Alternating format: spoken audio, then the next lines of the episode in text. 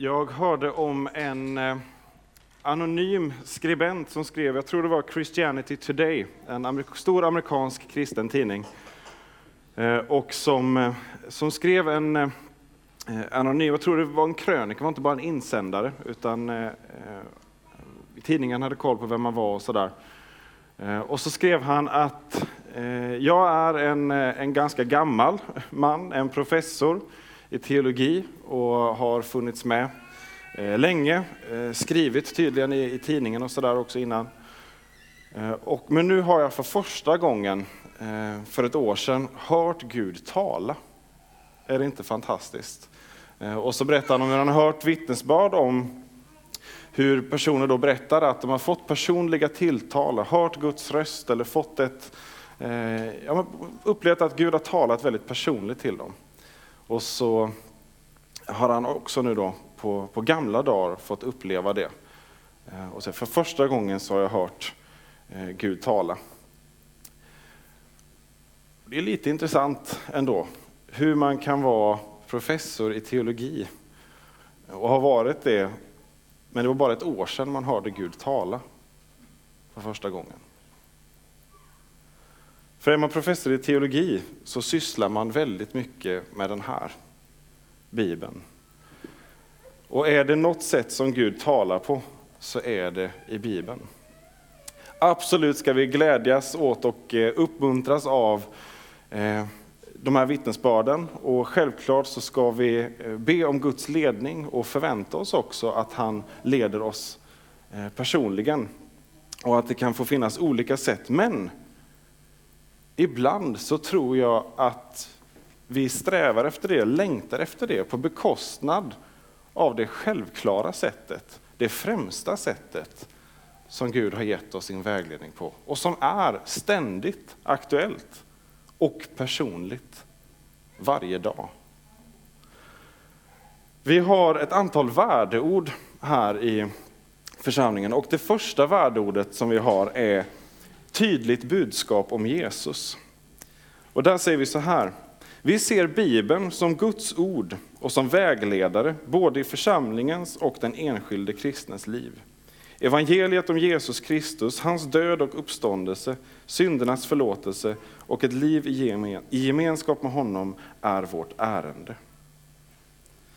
Vi ser Bibeln som Guds ord som uppenbarelse, där Gud har uppenbarat för oss vem han är, vad han vill, vilka vi är.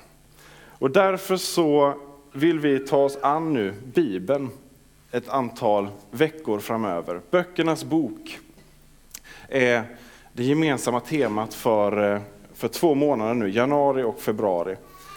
Och där ska vi få eh, både djupdyka och simma på ytan samtidigt förhoppningsvis. Vi ska få ta oss igenom hela Bibeln på två månader. En härlig utmaning. Eh, självklart så kommer vi inte ta oss an varje vers, men vi vill ta oss an de olika huvuddelar som finns i Bibeln. De lite olika kategorier eller genrer av, eh, av eh, texter och böcker som finns. Eh, därför att Bibeln består av mycket. Ibland så, eh, eller ganska ofta, för mig i alla fall, så jag, jag har mina favoritsidor. Tar man min bibel och tittar på, på sidorna så ser man att det är liksom lite skuggat på vissa ställen där har, mina fingrar har varit och smutsat ner. Och det är härligt, en bibel ska vara smutsig eh, och använd. Men det är verkligen det är på sina ställen. Man ser vad jag läser och vad jag inte läser så ofta. Och vi behöver hela Bibeln. Vi behöver hela Guds ord. Eh, och det är inte så att kunskapen om Guds ord och erfarenheten av Guds ord bara växer automatiskt. Snarare är det så att, att kunskapen om Bibeln minskar. Om man ser till snittet i, eh, i Sverige och i västvärlden, självklart inte här i Ängelholm, här läser vi jättemycket Bibel. Eh, nej men, visst är det så, det är svårt att hitta tid, hitta tillfällen och ibland är det svårt att förstå. Eh, vi kan inte lösa allt på en gång, men de här veckorna skulle vi vilja eh, hjälpas åt att lösa en liten bit av det i alla fall. Tänk om vi kan få, eh, få förstå ännu mer vad Bibeln är för någonting. Och vi börjar med det här idag. Vad är Bibeln? Och det är ju en bok, men det är också flera. Vi har de två huvuddelarna, Gamla och Nya Testamentet, och i varje del så finns det många, många olika böcker, många olika sorters böcker. Eh, och det här är, skildrar händelser på ett spann över flera tusen år. Så det är otroligt olika eh, situationer, personer som, eh, som beskrivs. Nedtecknad och samlad under flera hundra år. Så vad är Bibeln? Ja, det är en bok som skildrar både historia, men som också ger oss profetia, poesi, biografier, brevväxling. Vi möter män och kvinnor, barn, gamla, introverta, extroverta, judar, hedningar. Vi möter alla slags människor. Och så har Gud gett dem sin uppenbarelse, talat till dem och de har fått skriva ner det. Och Gud har lett Eh, samlandet av, eh, av skrifterna så att vi har det här idag. Fullt tillgängligt. Och vi har bättre tillgång till det än någon någonsin har haft. Att få läsa Bibeln i sin helhet har varit en, eh, en lyx och, och få förunnat. Kyrkan har jobbat för att göra den tillgänglig. Men det är egentligen från 1500-talet och boktryckeriet tid som vi, som vi kan göra det. Och idag i vår digitala tidsålder så är det otroligt tillgängligt och samtidigt så är också kanske konkurrensen om vad vi ska läsa, vad vi ska fylla våra sinnen med större än någonsin. Och så kommer också funderingen av tvivlet, men är, vad är, det här är det inte egentligen lite som viskleken?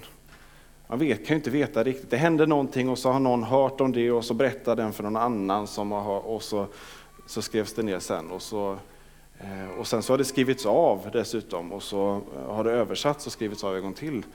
Eh, om vi skulle köra viskleken, börja här fram hos Petrus nu och sluta längst ner där, så vågar jag lova att vi inte får samma sak i slutändan som, som vi börjar med där.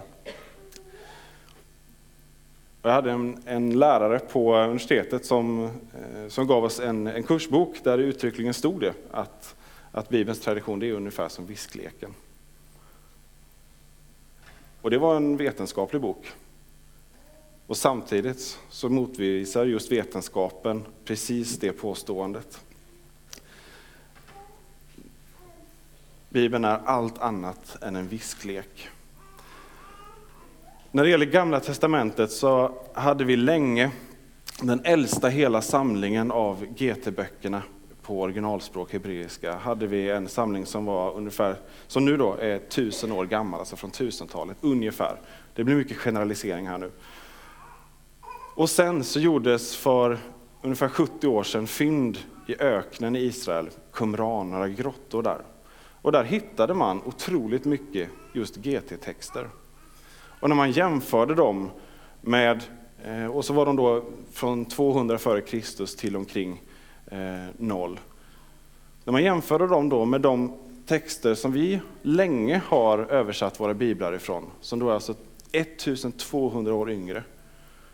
Har man bilden av att det är viskleken som det här är, så borde de ju skilja sig ganska så markant. Mycket konstigheter som har snyggats upp och rättats till genom åren för att det ska passa oss bättre, passa kyrkan bättre eller passa eh, Eh, vår tro, vår lära. Samlingarna är i det närmaste identiska. Ja, det finns skillnader, det finns stavningar, det finns vissa fraser som har fallit bort. Sånt som, eh, som sker när vi kopierar och skriver av. Men helt otroligt vad de här är lika varandra. 1200 år emellan. Och det är nästan, nästan ingen skillnad. När vi tar oss an Nya Testamentet och eh, de skrifterna så finns det också frågetecken.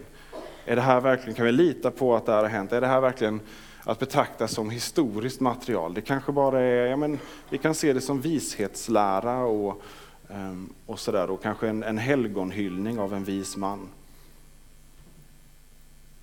Nya testamentet har det överlägset bäst historiska underlaget för några antika texter. Då alla andra historiska personer som vi inte dugg tvivlar på om de har funnits, ehm, eller ens i stora drag vad de har gjort och sagt i sina liv, där handlar det om några fåtal källtexter. Några fåtal exemplar som är ganska gamla och då är det ändå hundratals år emellan det äldsta textoriginalet vi har och händelserna som har inträffat. Och det är några exemplar. Nya testamentet, tusentals textfragment som är bara från århundradena efter. Vissa så tidigt som bara en generation efter det har hänt. Bibeln har det överlägset bäst eh, historiska materialet vi, vi kan ha för att kunna behandla det som en historisk skrift. Det mest väldokumenterade vi har från den tiden. Så som, som skrift, om det har bevarats, så finns det näst, nästan inga tvivel man kan ha kvar. Däremot så kan vi fortfarande fundera på vad är det? Vad sägs det? För att, att personer har funnits och Eh, att de stora dragen stämmer, om man kan vara överens om det, så är det fortfarande så att det är saker där det bränner till. För det som sägs här är inte bara lite allmänna visdomsord som vem som helst kan göra kylskåpsmagneter av och, och sätta upp. För är det Guds uppenbarelse så, så görs det stora anspråk. Och där blir det ett möte som var och en av oss måste ta med Bibeln. Där kan inte någon vetenskap eh, vederlägga, är det här Guds uppenbarelse eller inte? Där kommer det till en fråga om tro och en fråga om ditt och mitt möte med Guds ord. Och ändå, oavsett min tro, oavsett din tro, så är det fullt och fast Guds uppenbarelse. Du kanske inte tror på Gud. Det gör inget. Han tror på dig. Och du kanske får bukt med det så småningom. Men om det här är Guds uppenbarelse, om det här är det som Gud har gett oss som det främsta verktyget för att lära känna honom och lära känna oss själva, då måste vi ju lära känna den här boken. Då måste vi ju ta oss an den här boken. Då får vi inte försumma den. Det är för stort, det är för värdefullt för att gå miste om det. Och jag skulle säga att det är att strunta i, i Bibeln, det är också nonchalant mot alla de som har kämpat för att få tillgång till en bibel genom historien. Alla de som idag får ge sina liv för att de äger en bibel eller försöker få tag i en bibel i den förföljda kyrkan runt om i världen. Det här är så otroligt värdefullt. Men vi har fått sånt överflöd och det blir så lätt så att vi glömmer vad det är. En god vän till mig han studerade i Jerusalem och så hade han sin bibel med eh, och studerade där för en, eh, en judisk professor. Eh, och så satt han då i seminariesamling och så la han ner sin bibel för han skulle anteckna. Och så går läraren fram till honom och ger honom en örfil. Och så säger han, så där behandlar inte du Guds ord, du lägger inte det på golvet. Det innehåller förvisso Nya Testamentet också, men det är ändå eh, Guds ord och så gör det inte. Eh, och min vän, han blev faktiskt inte alls varken förnärmad eller arg, han blev tacksam. Kanske något grov tillrättavisning, men han fick sig en ordentlig tankeställare. Vad, vad gör jag med det här? Vad tror jag egentligen om den här boken? Så vi måste vi måste lära känna skriften om det är så att det här är Guds ord. Eh, jag läser från Saltaren, den första salmen som inleder den här samlingen med, eh, med sånger, salmer. Lycklig den som inte följer de gudlösa, inte går syndares väg eller sitter bland hädare, utan har sin lust i Herrens lag och läser den dag och natt. Han är som ett träd planterat nära vatten. Det bär sin frukt i rätt tid, aldrig vissnar bladen. Allt vad han gör går väl. Inte så med de gudlösa, de liknar agnar som vinden för bort. Därför döms de gudlösa där rätten råder och syndarna i de rättfärdigas krets. Herren är med på de rättfärdigas väg, men de gudlösas väg leder till intet.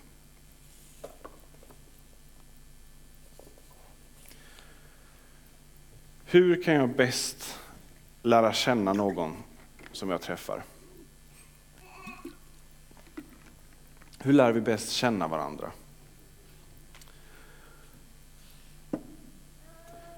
Om jag ska lära känna en ny person, är det bästa sättet för mig då att prata på om mig själv?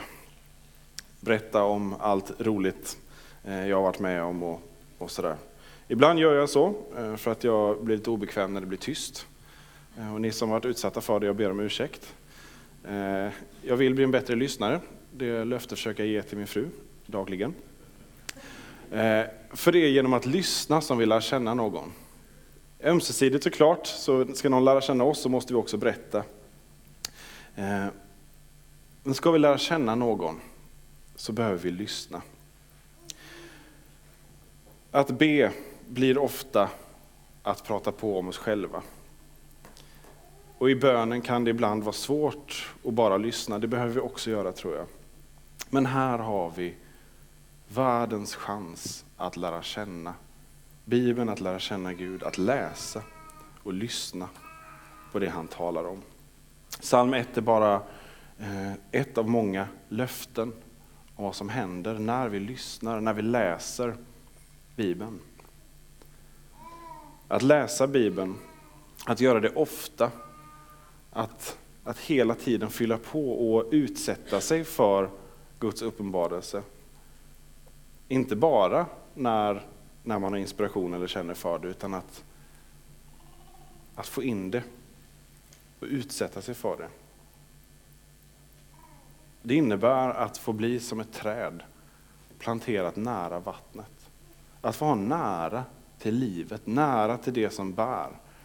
Det som gör att rötterna kan få, få gå djupt, trädet kan få bli starkt och stadigt. Om livet ska få, få stadga om vi ska kunna få liv, sant liv, så finns det bara en som kan ge det och det är Gud själv. Och vi får närma oss honom genom att läsa bibelordet. Då kan vi få bära frukt. Och inte bara bära frukt, utan vi får göra det i rätt tid. När vi har våra egna projekt och när vi, vi gör på vårt sätt så Eh, så blir det inte alltid som vi har tänkt oss. Och vi har inte alltid, eller kanske sällan till och med, Guds perspektiv på det. Vi vill ha allt nu och genast. Här får vi slipas. Här får vi komma in i en rytm som håller för hela livet igenom. Och jag vågar säga att det är inte någonting vi lyckas med i vår kultur och våra liv i allmänhet idag. Hur hittar vi en rytm som håller för hela livet? Om vi dag och natt får umgås med Herrens ord och får låta det prägla oss så att vi får Guds timing för vår frukt, för vår vila, för när vi behöver beskäras och, och tillrättavisas. Så får vi en annan rytm en annan grund för livet än när vi lägger den själva. Och om vi ska bli goda vänner, jag och Bibeln, så behöver jag lyssna på allt. Jag kan inte vara eh, en, god vän och en god lyssnare när min vän då plötsligt börjar berätta något. Nej, det här var inte så intressant. Du, eh, tack för idag. Jag betalar för kaffet. Eh, vi ses en annan dag så gör vi ju inte. Här finns så otroligt mycket eh, för våra liv En del som vi bara inte vet om. Skatter som vi inte har upptäckt och som vi kommer jubla över när vi upptäcker dem och läser och inser att oj, här talar Gud personligt till mig. Men det finns också ställen som vi vet om, men vi vill inte riktigt slå upp dem. För att det bränner i köttet. Det gör ont i vår gamla människa därför att det avslöjar synden i våra liv och det som ligger i vägen för, för Gud. Vi behöver ta oss an hela skriften. Paulus skriver i andra Timoteusbrevet så ger han vägledning till en av sina lärjungar. Och så talar han om, eh, om de heliga skrifterna. I andra Timoteusbrevet 3, Eh, 15 och 16. De förmår ge dig den kunskap du behöver för att bli räddad genom tron på Kristus Jesus.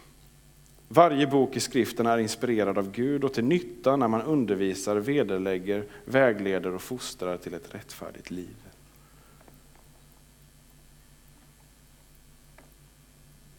Det är vår ambition att ta oss an den här helheten Eh, i någon mån under temaserien, men jag önskar ännu mer att vi var och en av oss kan få ta oss an helheten och våga lita på, det är inte bara mina favoritställen som är inspirerade av Gud, utan alla ställen. Också de som bränner till, därför att de är till nytta när man vägleder och fostrar till ett rättfärdigt liv. Här finns mat för hela livet. Och samtidigt som vi har helheten, bredden, alltid hela tiden, för varje läsning. Håll fast vid det som Martin Luther talar om som skriftens kärna och stjärna, Jesus Kristus. Skrifterna talar om och ger kunskap om något som leder oss till räddning, till frälsning. Vi lär känna Jesus Kristus, det levande ordet som blev människa. Så hela Bibeln handlar inte om dig. Det kommer kanske som en överraskning för vissa i vår narcissistiska tidsålder. Men det handlar inte om dig. Så är det så att du en dag läser och inte upplever ett personligt tilltal, ja, det är inte så konstigt. Det handlar inte om dig. Det handlar om Jesus. Men i mötet med honom så kommer du se att Guds ögon också är på dig. Och att han älskar dig så otroligt mycket. Ju mer du fäster dina ögon på Jesus, desto mer så kommer Bibeln öppna sig för dig. Och ju mer Bibeln öppnar sig, desto mer kommer du få se av Jesus. Och så håller det på så. Jesus är vår bästa vän och vår bästa vägvisare när det handlar om att läsa Bibeln. Några av er har hört om Emmausvandrarna, de som gick till Emmaus efter påsken efter korsfästelsen och uppståndelsen. Men de har inte hört om uppståndelsen, de tror att Jesus är död. Så möter de Jesus på vägen, de förstår inte vem han är, men han öppnar skrifterna, står det för dem. Och så berättar de sen efteråt till sina vänner, hur brann inte våra hjärtan när han gjorde det? Så när vi läser Bibeln så ska vi veta att vi inte är ensamma, utan vi har någon som står vid vår sida och vill förklara dem och visa att det här handlar om mig. Och så får var och en av oss sättas i relation till honom i det. Vilket innebär att det finns en helhet. Det finns dagar av fantastiska Eh, välsignelser och eh, löftesord och uppmuntran och glädje. Och det finns också dagar då vi behöver ransaka oss själva och eh, där bibelordet sätter fingret på riktigt obekväma saker som vi behöver göra upp med. Det finns dagar då vi kommer njuta av, av Bibeln och längta efter att öppna den. Och det finns dagar då man kommer uppleva det här är kanske det, det jag minst vill göra idag. För sånt är livet. Men Bibeln är för hela det livet. Så låt inte Bibeln bara bli favoritverserna, låt inte bara bli läsning de dagarna som, eh, som du känner för det. Om vi kan utmana oss och varandra att få göra det till en god vana. Jag försöker med tandtråden. Nu är det snart dags för tandläkaren igen och det är man på veckorna innan liksom och filar. Jag vill ha en god vana året över. Så också med bibelordet. Jag vet att det är bra för mig. Men synden i mig vet att det är dåligt för den. Och så finns kampen där. Men det finns en som har segrat över synden. Och det är Jesus Kristus. Han lämnar aldrig oss. Och han är med oss också i vår bibelläsning. Så då kan vi tillsammans få ställa oss upp och så kan vi få be om förlåtelse för våra synder och ta emot den förlåtelse som Jesus ger.